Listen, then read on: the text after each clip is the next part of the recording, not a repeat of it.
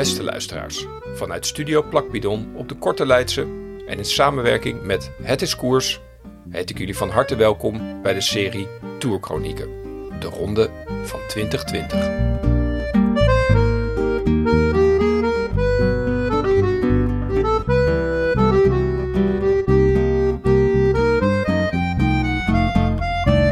Die schitterende overwinningen van eerst Hirschi en vervolgens Martinez, die het Duitse tweetal van Bora weet te verslaan op de flanken van de Puy-Marie, trekken we van het Centraal Massief richting Lyon en de Alpen voor de 14e etappe.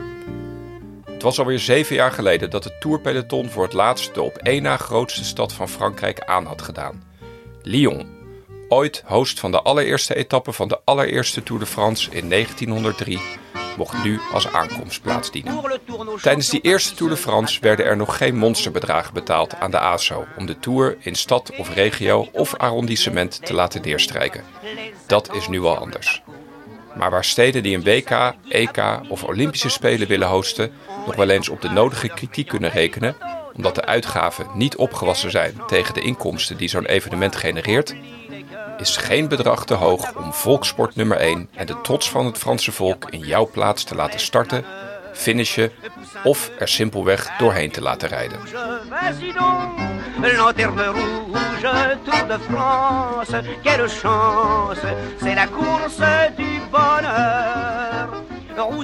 Maar dat allemaal terzijde.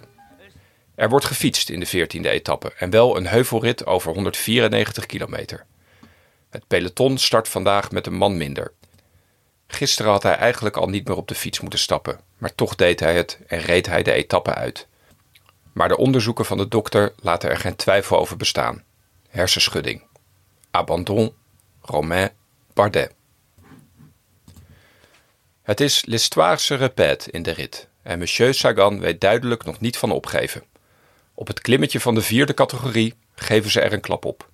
1 kilometer aan 8,5 procent. En dit blijkt genoeg om bij de tussensprint alle punten te pakken. En bij de daaropvolgende klim van de tweede categorie gaan alle sprinters massaal overboord. Op Sagan na. Peter Sagan and Bora Hansgrohe brilliantly taking on the Koenig Quickstep and try to make it very difficult indeed for Sam Bennett to keep the green jersey. Maar vandaag zou nog voor Bora, nog voor Sagan zijn. Team Sunweb, de jongste ploeg van deze ronde, heeft na de ritwinst van Hirschi de smaak te pakken.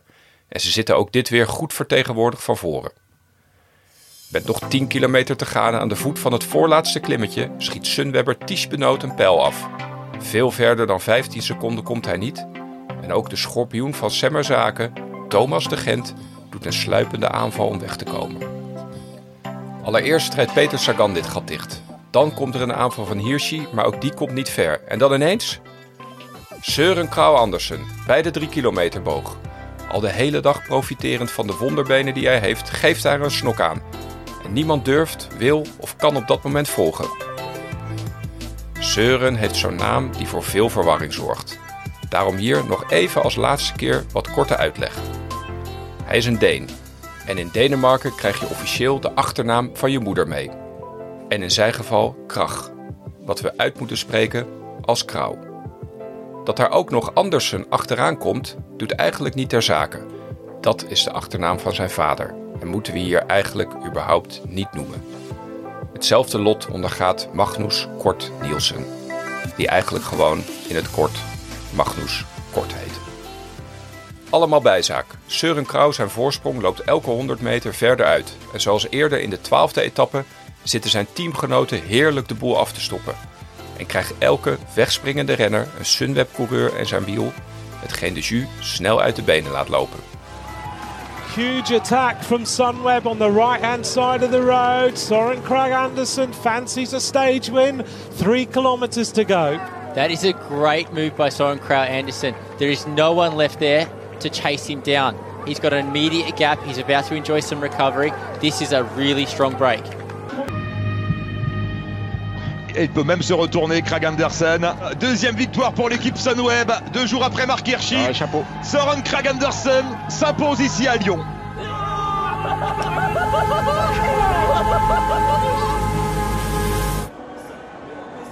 I had really good legs the whole day. Uh, of course, you never know how good the other guys are, uh, but my legs felt good the whole day. And when the moment came, I was. It took a long time for me during the tour to get confidence in myself, but I knew okay, if, if I suffer, they all for sure also suffer, and then I just went for it. And it's amazing. Helemaal alleen staat hij uit te hijgen en na te genieten voordat het team zich bij hem kan voegen. Hij vergeet gelukkig niet om de zegen voor de toegesnelde camera's aan vriendin Adriana op te dragen. De vrouw waarmee hij zijn dromen altijd kan delen. Zijn grootste droom, om mee te doen voor de eindzegen van een wielermonument, begint zo langzaamaan steeds meer werkelijkheid te worden.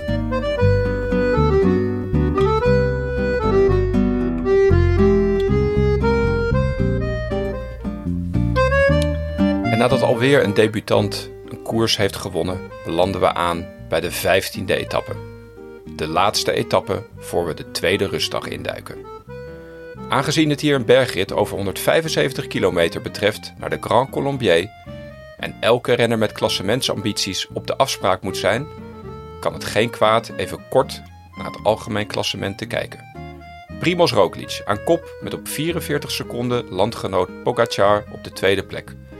Daarachter op 59 seconden Egan Bernal, die de plekken 4, 5 en 6 door mede-Colombianen Uran, Quintana en Lopez ingenomen ziet worden, met op 1 minuut 42 seconden op de zevende plek die ene Yates. My name is Adam Yates and I ride for Oracle Green Edge. Simon Yates and I ride for Oracle Green Edge. Alles staat dus nog zeer kort op elkaar en verzwakken betekent de Tour verliezen. Het is een beetje als worstelen met een gorilla. Je stopt niet als je moe bent. Je stopt pas als de gorilla moe is. Al dus Fausto Coppi. Lyon was niet alleen finishplaats gisteren, maar ook startplaats van vandaag. Hetgeen de ploegen een ritje in de bus zou schelen, waardoor iedereen de nodige extra rust kon pakken. Zo'n dag voor de rustdag is dat altijd prettig. Zeker als we kijken wat er op de menukaart staat. De Grand Colombier moeten mensen proberen te vermaken op deze dag voor de rustdag. Een vlakkige aanloop van ongeveer 100 kilometer vooraleer de Alpenreus vanaf drie verschillende kanten belegerd zal worden. De finish ligt voor het eerst in zijn geschiedenis bovenop de Colombier, aan het einde van de 17,4 kilometer lange slotklim. De Grand Colombier. Bij die naam denk je misschien aan een kool met een rijke geschiedenis, maar deze berg maakt pas sinds 2012 sporadisch deel uit van de route en diende ook nooit eerder als finishlocatie. De meest bekende renner die hier als eerste door wist te komen, is toch wel de inmiddels gepensioneerde beroepsclown Chouchou Veuclair. Aan de renners dus vandaag de taak om nog wat chronieken toe te voegen aan de wat korte historie van de Grand Colombier. Het is vandaag 13 september 2020 en dat Primoz Roglic in het geel rondkoerst was een maand geleden, op 15 augustus, nog compleet onzeker. Die dag lag hij nog bloedend op het wegdek in de vierde rit van de Dauphiné, te twijfelen of hij op de fiets of in de auto moet stappen.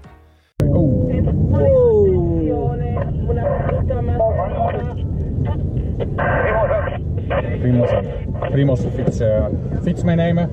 Okay, Primoz also very big crash in the bunch. New bike, Primoz, new bike. Yes, Niels is on the way. Het werd het eerste. Hij stond immers bovenaan in het klassement. Maar de val was dermate heftig geweest en in samenspraak met het team werd die avond besloten alsnog uit de Dauphiné te stappen. De Dauphiné die Daniel Felipe Martinez later op zijn naam zou schrijven. In het Grande Casino van de wielerwereld hield hij het liefst zijn kaarten zo dicht mogelijk tegen de borst. Grande casino. Grande casino, eh? This Giro. It's but I don't think your teammates like it. Ja, dat kerel, jongen. Maar na een valpartij was het lastig pokeren. In overleg met het team kozen ze ervoor zo min mogelijk informatie te delen met de buitenwereld en te focussen op het herstel. Om hem zo snel mogelijk weer op de fiets te krijgen en te hopen dat de conditie nog op peil zou zijn voor drie weken afzien in Frankrijk.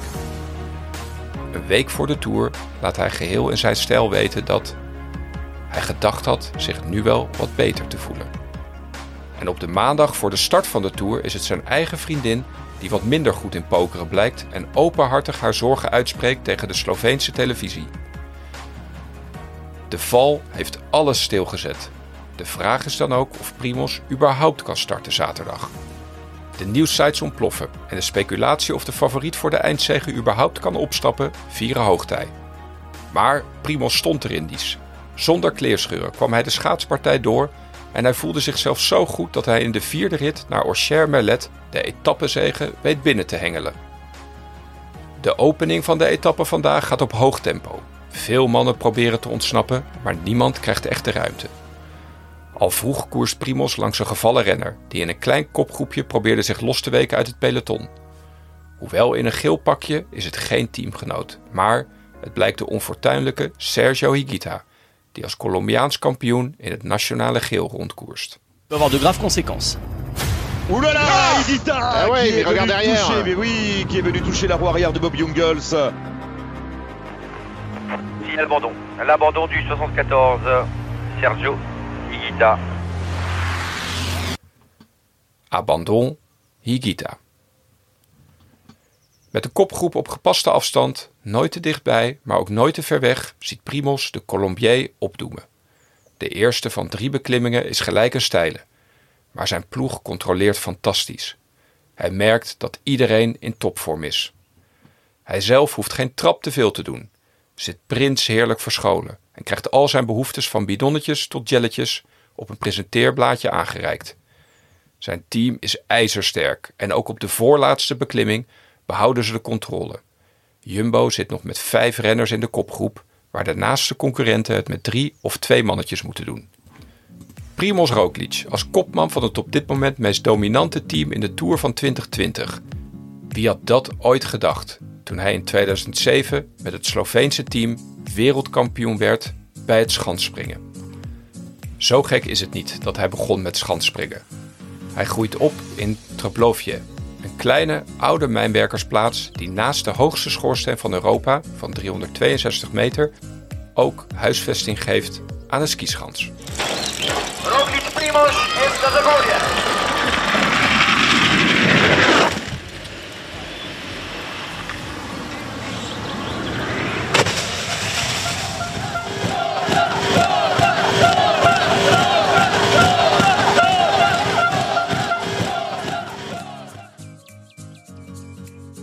Roglic zal het 15 jaar lang doen tot hij in datzelfde 2007 op de schans van Planica zo hard ten val komt dat hij de sport na jaren van blessures en revalidaties in 2011 op pas 22-jarige leeftijd vaarwel zegt.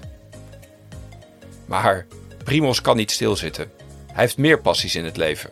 Hij volgt de Tour de France al jaren stevast op de tv wanneer de renners het hoge bergte intrekken en ontdekt tijdens zijn revalidatie de liefde en ook aanleg voor de racefiets. There are two different primos. One is a cyclist, and one is no- normal primos. You know, you cannot just put everything uh, into one one basket or something like that. Um, sometimes a little maybe like uh, cold, you know, and um, distanced. But in normal life, he's different. He's more warm and nice. He's really relaxed. Eerst koerst hij nog voor het kleinere Adria Mobiel in thuisland Slovenië. Maar al snel krijgt hij op vakantie in Griekenland een belletje of hij naar Amsterdam wil komen. Voor wat testen bij team Jumbo-Visma. Hij hoeft niet na te denken, pakt de koffer in, stapt op het vliegtuig en geeft tijdens de testen alles wat hij in zich heeft. De mannen van Jumbo zullen later erkennen dat ze van hun stoel vielen bij het zien van de waardes en meteen door hadden met een bijzonder iemand te maken te hebben. Primos maakt alle verwachtingen direct waar, met overwinningen in de Tour, de Giro en de eindzege in de Vuelta in de jaren die daarop volgen. We hebben hem gelijk eh, in laten vliegen naar eh, Nederland. Is hij getest. En na die test ja, waren we zo overtuigd van ja, daar ligt gewoon een Ferrari motor in en eh, die moeten we hebben. In de etappe van vandaag is de kopgroep uit elkaar gevallen. De motivatie van de rijders als sneeuw voor de zon verdwenen, doordat de hongerige Jumbo-leeuwen hen als prooi continu in het vizier houden. En niet alleen de kopgroep ligt onder het vergrootglas. Ook alle favorieten worden nauwlettend in de gaten gehouden en moeten stoïcijns blijven pokeren voor wat ze waard zijn. Colombianen zijn daar van nature altijd goed in. Ze zijn lastig te lezen, lastig te doorgronden. Veelal met een grimas die de perfecte combinatie tussen pijn en plezier laat zien. Het gebeurt op het moment dat Wout van Aert op kop rijdt en het nieuws is kraakhelder. Egan Arlie Bernal, toerwinnaar van 2019, zal de Tour van 2020 definitief niet gaan winnen. Op dat moment nog derde in het klassement stopt de goedlachse Colombiaan met lachen. Zijn masker, wat al sinds de negende etappe stukje bij beetje opzij schuift, is definitief van het gelaat gevallen. En alsof landgenoot Nairo Quintana solidair wil zijn met het noodlot van Bernal, begint ook hij de aansluiting met de toppers te verliezen. Ciao Egan en ciao Nairo. In één klap zijn de nummers 3 en 5 uit het klassement kostbare secondes en niet veel later minuten aan het verliezen de concurrentie en tuimelen ze uit de top 5. Op 7 kilometer van de top besluit Yates zijn geluk te beproeven. Hij heeft van het zoete geel geproefd en wenst meer van die lekkernij. Dat is voor Van Aert het teken om de kop af te staan. Dumoulin neemt het over. De vlinder uit Maastricht laat zich gelden vandaag. Geen onnozel harde kopbeurt om zichzelf en anderen de das om te doen, maar steady, stoempend op de limiet. Roglic zit in zijn wiel en hoeft enkel te volgen. Yates wordt al gauw weer opgesnoept en niemand in de kopgroep haalt het in zijn hoofd om nog te demareren. Roglic staat op spanning. Het team heeft vandaag zoveel macht laten zien, zoveel controle. Ik moet het afmaken voor ze. Met nog 600 meter te gaan geeft hij er als eerste een klap op. Een plaagstoot, maar wel gelijk een serieuze. Richie Poort doet ook een duit in het zakje en alleen hij, Porte en Pogacar zijn nog over. Puis là, il veut distancer tous les autres rivaux hein, aussi. Allez, Pogacar qui accélère maintenant l'attaque de Tadej Pogacar. Est-ce que Primoz Roglic va pouvoir tenir la roue de son jeune compatriote? Pogacar, Roglic, le match entre les deux Slovènes. Et c'est Tadej Pogacar qui s'impose avec les modifications. Verdomme. Deze was lekker geweest voor het team. Hij baalt zichtbaar van het misgrijpen. Maar het is van korte duur. Want bij Pribos gaat de knop altijd heel snel om. Terugkijken, daar heb je niets aan. Enkel wat nog gaat komen telt. Zo eentje heb ik maar eens in de, in de 20, 30 jaar. Ja, als je ziet hoe dat hij doorgroeit in deze twee jaar, wat hij nou bij ons fietst. Uh, de leiderschapskwaliteiten, het tactische spelletje, alles wat daarbij komt. Hij heeft een enorm snelle leercurve. Door alles, elke keer heeft hij wel dat soort dingetjes dat je denkt... hé, hey, wacht even, dit, uh, dit is wel even een speciaal ventje.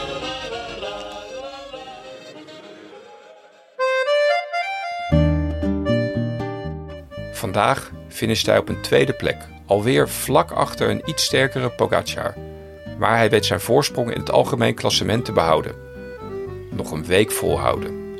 Geen fouten maken. Niets laten liggen. En dan maakt hij zijn ultieme droom waar in Parijs.